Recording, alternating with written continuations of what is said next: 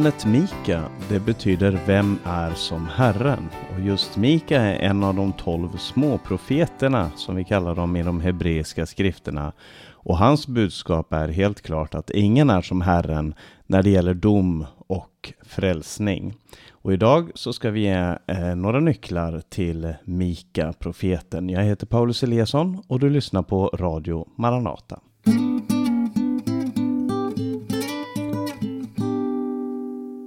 Profeten Mika består av sju kapitel. Eh, han är den sjätte av de så kallade småprofeterna. Hosea, Joel, Amos, Obadja, Jona och så kommer Mika. Eh, och det är de tolv småprofeterna, de tolv sista böckerna i eh, Gamla Testamentet. Mika är lite längre än de flesta av småprofeterna. Det tar ungefär 20 minuter att läsa igenom. Det är inte en lång bok. Ehm, och vem var den här Mika, eller Mikaja som det heter på hebreiska? Som jag sa i inledningen här, det betyder Vem är som Herren eller Vem är som Jave? Ehm, och han, Mika var för det första man kan säga är att eh, han är inte den samma Mika som den som profeterade under Ahabs tid. Det fanns en nästan samtidigt med Mika som eh, nämns i eh, krönikeböckerna som en profet. Och det är inte den Mika, utan den här Mika är från Moreshet som ligger nära Jotam, står det här. Eh, Moreshet Gat, säger eh, vissa översättningar. Det ligger ungefär mitt emellan Jerusalem och Medelhavet, så några mil eh, väster om Jerusalem. Och eh, låg ganska nära Filistenas område. Eh, och också nära Tekoa som profeten Amos kom ifrån. Och Amos han är ju också en av de tolv små profeterna och levde samtidigt med Mika. Så det kan hända att de eh, kände varandra. Eh, I alla fall att de visste om varandra är ganska troligt. För det här, ehm, den här boken den är eh, komponerad, eller vi vet ju inte när den är skriven, men, men profetiorna handlar om, och Mika han levde på eh, eh på 700-talet före Kristus under kungarna Jotam, Ahas och Hiskia. Eh, som sagt, Amos och Hosea, de var samtida med honom. Eh, Amos och Hosea har ju framförallt ett budskap som rör Nordriket, det som kallas för Israel, medan, eh, medan Mika han talar mer till Sydriket eh, med Jerusalem som huvudstad. Men han kommer egentligen in på båda de här. Eh, och Mika levde då samtida med det fallet när eh, Nordriket med Samarien som huvudstad föll för assyrierna eh, år 722 f.Kr. Det Mikael levde under den tiden. Och på den här tiden i, i Israel och Juda så fanns det en viss ekonomisk välgång och framgång. Framförallt de rika gjorde sig rikare. Det fanns vissa som förstod hur de skulle bli rikare på den här tiden och som hade en väldig framgång. Men samtidigt så byggdes det här också mycket på att man utnyttjade de som var fattigare. Eh, så det fanns en ekonomisk välgång men en andlig nedgång skulle vi kunna säga. Och Mika bok, som eh, de flesta av de andra profetiska böckerna, möjligen med undantag av Jona, är skriven på ett slags, eh, en slags poetisk eh, profetia, eller profetisk poesi. Och, och huvudbudskapet i Mika, som det också var hos flera av de här eh, av de här eh, småprofeterna handlar om dom och upprättelse. Om eh, varningar och hopp. Det är två dimensioner eller två sidor av vad Gud gör och vem Gud är. Det handlar om domen och hoppet. Och nu ska vi gå in på och läsa lite i den här texten.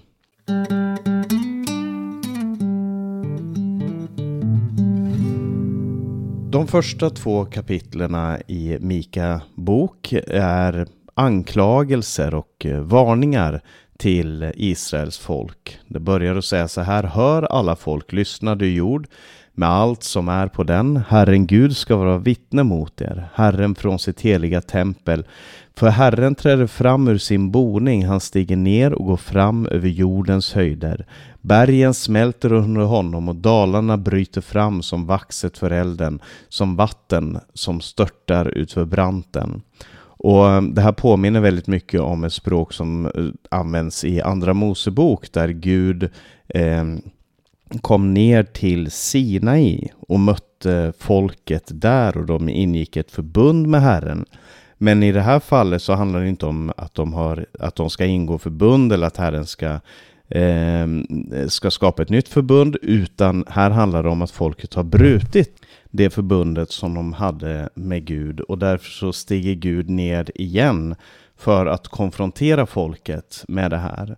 Och femte versen säger allt detta sker för Jakobs brott. Jakob var ju deras eh, gemensamma, både Nordriket och Sydrikets förfader eller patriark. Detta sker för Jakobs brott, för synden hos Israels hus. Israel är ett annat namn för Jakob. Vem är skyldig till Jakobs brott? Är det inte Samaria? Och Samaria är då eh, Nordrikets huvudstad. Och vem är skyldig till juda offerhöjder? Är det inte Jerusalem? Och Jerusalem var då Sydriket eller Judas huvudstad. Eh, så han anklagar både Samarien och Jerusalem och första kapitlet beskriver den här på ett poetiskt väldigt starkt sätt Eh, spänn travare för vagnen, ni som bor i Lakish, ni som var orsaken till synd hos dottern Sion. Det är ett väldigt starkt språk som man använder här. Eh, och så i det andra kapitlet så, så eh, kommer det fram mer tydligt vad det är som har hänt. Det fanns nämligen de som roffade åt sig. I de första två verserna i Mika kapitel 2 så står det Ve dem som tänker ut fördärv och planerar ondska på sin bädd. När morgonen gryr sätter de planerna i verket, för det står i deras makt. De har begär till åkrar och roffar åt sig dem, till hus och lägger beslag på dem. De brukar våld mot människor och hus, mot en man och hans egendom. Det här är alltså de som planlägger eh, att skapa fördärv, som planlägger att stjäla, som eh, inte bara drivs av, av ett eh, begär för stunden, utan som verkligen har satt i system att förstöra för andra människor. Och det här med begär till åkrar och roffar åt sig dem, hur, hur kan man göra det? Ja, det finns en berättelse från eh, kung Ahas som då eh, Mika var ju en del av, eh, Mika levde under hans regeringstid och det finns en, eh, en berättelse om den här kungen när han, eh, när han roffade åt sig och stal en annan mans egendom, krävde att få den och, och, och eh, genom sin, sin drottning Jezebel så, så roffade han åt sig och mördade den mannen som ägde den här egendomen och tog den sedan till sin egen. Eh, och saken var den att i Israel så fanns ett väldigt klart och tydligt system för där ingen skulle kunna få monopol på marken utan varje familj hade en viss eh, Eh, till, ett visst tillmätt område, en, en, jord som man hade ansvar för, en mark som man hade i den familjen och den skulle gå från generation till generation. Eh, I värsta fall så kunde man Eh, så kunde man betala sin skuld, om man hade skuldsatt sig så kunde man betala sin skuld genom att ge bort det här under ett visst antal år. Men det skulle alltid komma tillbaka efter en viss tid. Eh, och det här respekterade, när man respekterade det här ska jag säga, så, så gick det bra för landet. Så, så skapades det en harmoni där ingen blev alltför rik och ingen blev alldeles för fattig. Men det som hände på den här tiden då var att eh, människor roffade åt sig, begärde åkrar, roffade till sig dem, eh, lägger beslag på hus och, och brukar våld mot människor. Eh, det, det var sättet som man levde på den här tiden. Och det var ju framförallt de eh, rika människorna som kunde roffa åt sig. Och sen, så du har de rika, sen anklagas också de politiska ledarna och det, de sammanfaller också ofta med de rika. Det var ofta de rika som blev politiska ledare och vice versa. Eh, men det som var ännu värre var att också profeterna var korrupta. Eh, och när både ledarskap och de som ska kontrollera ledarna är korrupta, då går det inte att göra så mycket. För att profeterna, det var en gudomlig kallelse som, där Gud kallade människor som skulle konfrontera Eh, Eh, det politiska ledarskapet. Det politiska ledarskapet var satt för att föra fram rätt och rättfärdighet, att skipa rättvisa och så vidare. Och det profetiska, det profetiska ämbetet handlade om att leda människor till, till eh, att konfrontera de här människorna eh, och, och uppmana dem att, att göra det som är rätt. Och, och visa människor att Gud faktiskt är observant, att Gud följer med på vad som händer. Men även de hade blivit korrupta. Det står om någon skulle komma med tomt prat, svek och lögn och säga jag kan profetera för dig om vin och starka drycker, då skulle han passa som profet för detta folk. Och Mika han är ganska ironisk eh, i, i, i sitt eh, sätt att tala till det här folket. Han säger att det, det det räcker, alltså det som hade gjort det här folket glada är om någon hade kunnat komma och profetera om vin och starka drycker, för det var det man var intresserad av i, den här, i det här politiska skiktet, ekonomiska skiktet. Men samtidigt med allt det här som händer i landet, som den här korruptionen som vi ska komma tillbaka till ännu mer, så, så talar Gud till dem och säger att jag är er herde. Jag vill föra er eh, till ert land. Jag vill, jag vill leda er och jag vill vara er herde. Det finns en eh, väldigt vacker vers här i eh, Mika kapitel 2, vers 12 och 13 där det står Jag ska församla dig Jakob, hela ditt folk. Jag ska samla dem som är kvar av Israel. Jag ska föra dem tillsammans som fåren till follan, som en jord till dess betesmark. Det ska bli ett sål av människor. En som banar väg drar ut framför dem, de bryter fram och tågar iväg och vandrar ut genom porten. Deras kung tågar framför dem, Herren går i spetsen för dem. Så de här varningarna de, de blandas med det här hoppet och det, och det eh, visar en karaktär hos Gud som både är dömande Eh, förlossande eller, eller eh, en som både dömer folket men också älskar folket. Och det här ska jag komma tillbaka till.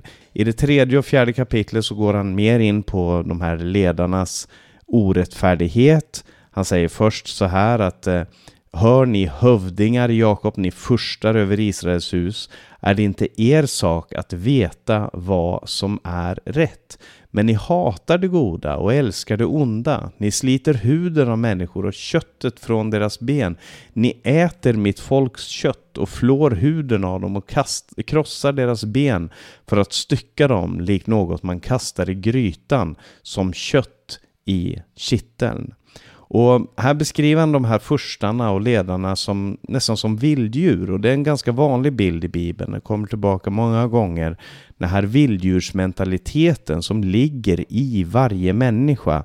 Att vi eh, förstör det som Gud har tänkt. Vi, vi ödelägger det som Gud har eh, tänkt om människan, nämligen att vi ska vara hela och fulla människor. Och så istället ger vi efter för de krafter som leder oss till att bli som djur. Och det är de politiska ledarna. Och sen i femte versen så talar han till profeterna och så, så står det, så säger Herren om profeterna som vilseleder mitt folk, som ropar allt är väl när de får något att tugga mellan sina tänder, men mot dem som inte ger dem något i munnen blåser de upp till helig strid. Så deras motivation till att säga att allt är väl, det är att eh, de får det de vill ha och deras motivation till heligt krig, ja det är eh, att, att de, eh, ta, någon som tar ifrån dem det de vill ha eller inte ger dem det de vill ha. Och det här är alltså då de profeterna som är de andliga ledarna tillsammans med prästerskapet. Och eh, det som han kommer fram till i den här texten, ni bygger upp Sion med blod och Jerusalem med ondska, säger han. Eh, stadens hövdingar dömer för mutor, prästerna undervisar för betalning och profeterna spår för pengar. Och, och, och därför, säger han, ska Sion för er skull plöjas upp till en åker, Jerusalem bli en stenhop. Och här varnar han för att Jerusalem ska förstöras. Tempelberget ska bli en skogbevuxen höjd. Och det skedde ju också. Alltså Nordriket Samaria försvann ju under eh, Mikas egen tid, men några hundra år senare så fördes ju också då Jerusalem och Juda fördes bort i fångenskap till Babylon. Och det är det han eh, blickar fram emot här. Och så, men så kommer kapitel 4 och det är en fantastiskt vacker text måste jag säga. De första eh, åtta, sju, åtta verserna här Eh, jag ska bara läsa den första versen och de två sista verserna i, i eh, Mika 4, 1-7. Men eh, läs gärna den här texten, hela den här texten själv. Den första versen säger Det ska ske i den yttersta tiden att berget med Herrens hus ska stå fast grundat och vara högst bland bergen, upphöjt över höjderna och alla folk ska strömma dit. Det är profetian. Och så kommer det sjätte och sjunde versen som säger På den dagen, säger Herren, ska jag samla de haltande och föra samman de fördrivna och de som jag har plågat. Jag ska göra de haltande till en rest och de fördrivna till ett mäktigt folk och Herren ska vara kung över dem eh, på Sions berg från nu och till evig tid. Det här är det nya Jerusalem som Herren vill bygga. Och eh, det här är den, den eh, det förbund, den pakt som Herren vill göra med sitt folk. Där han, där han lovar att inte bara ska han föra folket tillbaka, men han ska föra tillbaka de haltande, han ska föra tillbaka de fördrivna, de plågade. Det är de som Gud önskar att insätta i sitt rike. Och det är lite det som Jesus knyter an till när han säger saliga är de fattiga i anden. Saliga är de som hungrar och törstar efter rättfärdighet. Saliga är, de för, när, saliga är ni när folk förföljer er och så vidare. Det är, det är den här tanken eh, som, som vi möter här som, som ligger där också. Saliga är de som eh, som sörjer, för de ska Herren trösta. Saliga är de haltande, för de ska Herren föra tillbaka till sitt land. Och sen går han tillbaka till att varna folket i slutet av det fjärde kapitlet och säger ända till Babel ska du komma. Han, han talar till Sion och säger ända till Babel ska du komma. Och för oss som, för dig som känner din bibel så har du säkert läst mycket om och hört mycket om Babylon eller Babel. Och det är en maktfaktor att räkna med historiskt sett och det var de som förde bort Juda till fångenskap. Men på den här tiden så var Babel nästan ingenting.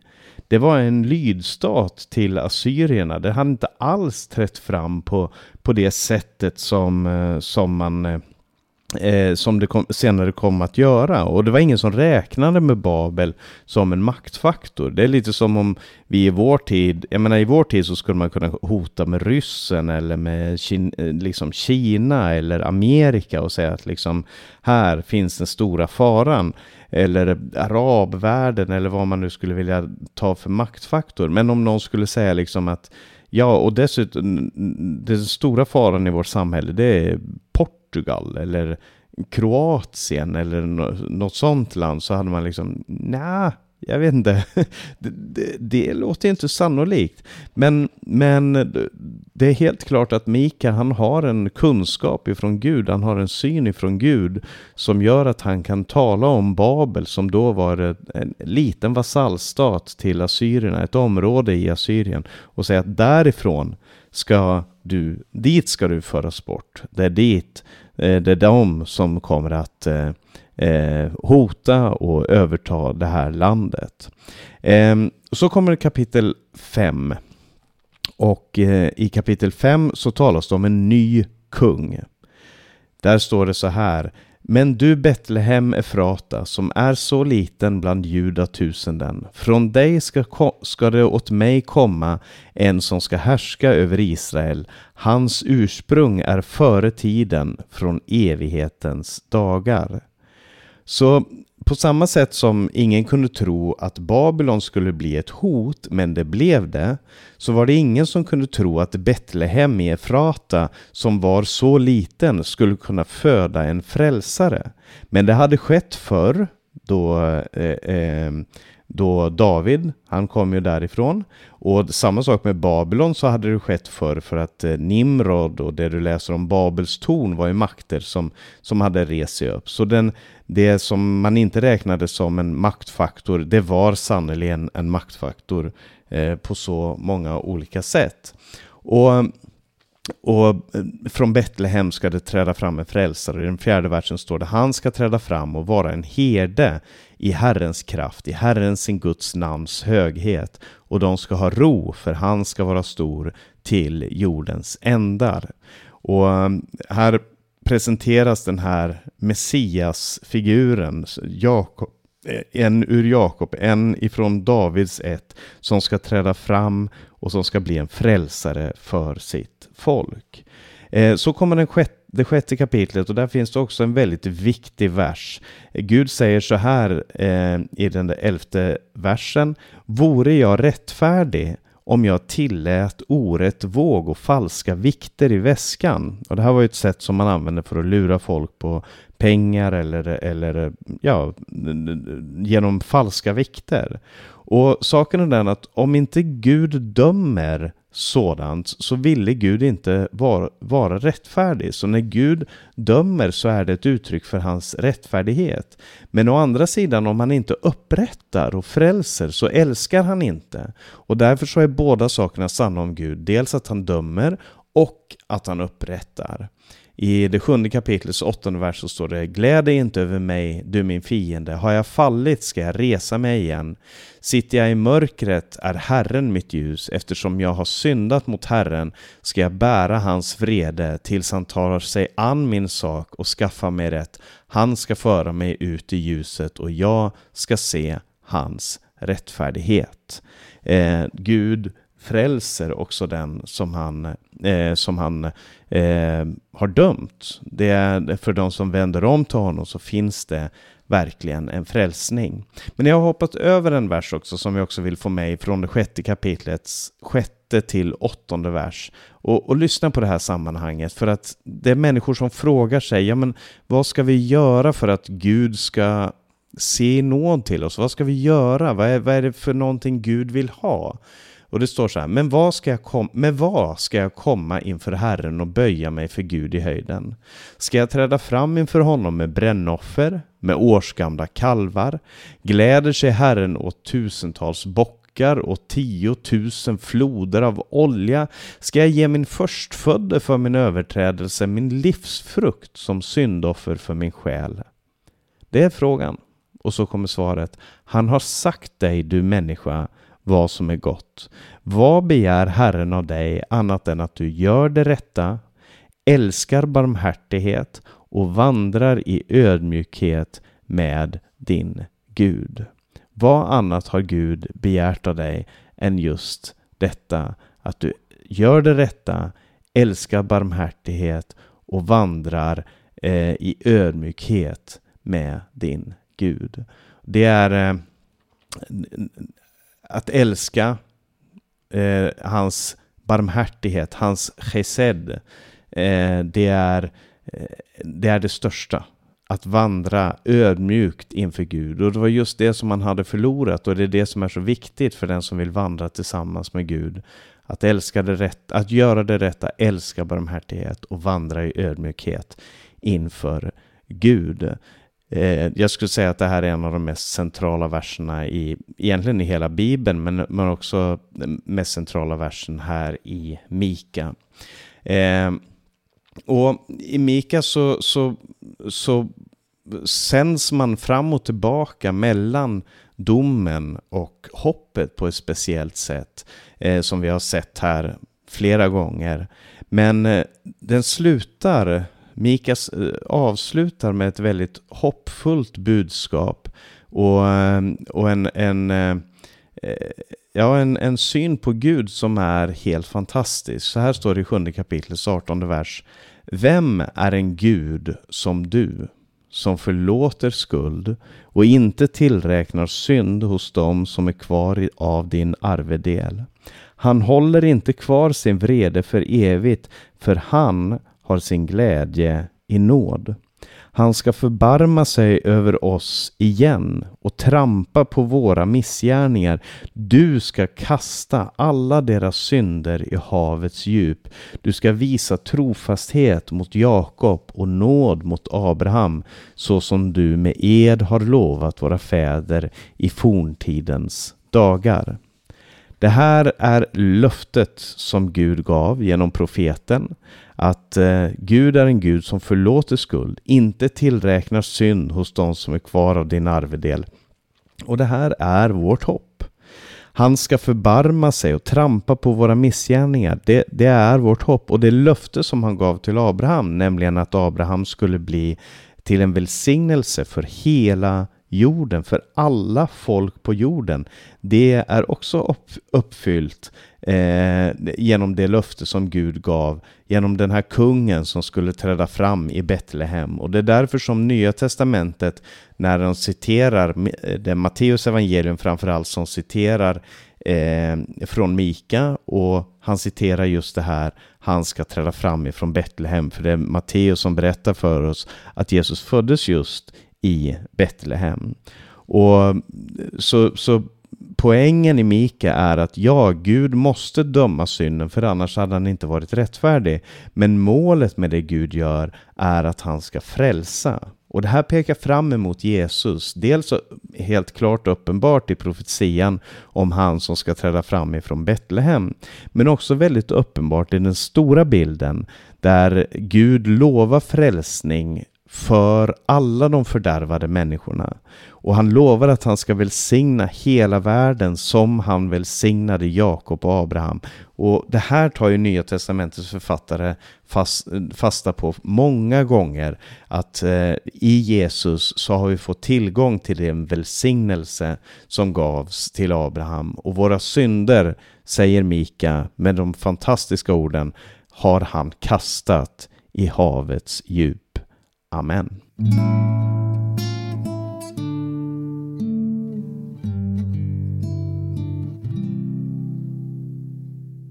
Nu tänkte jag att vi ska lyssna på en sång och det är sången Vem är som du som sjungs av Karin Lindros. Eh, jag ska bara nämna att du har lyssnat på Maranata Podcast med mig Paulus Eliasson. Det här programmet har sänds över Stockholm och Örebro närradio också. Var gärna med och sprid de här programmen. Du kan komma i kontakt med oss via info maranata.se eller telefon 070-201 60 20. Sprid Guds välsignelse till alla du möter och på återhörande.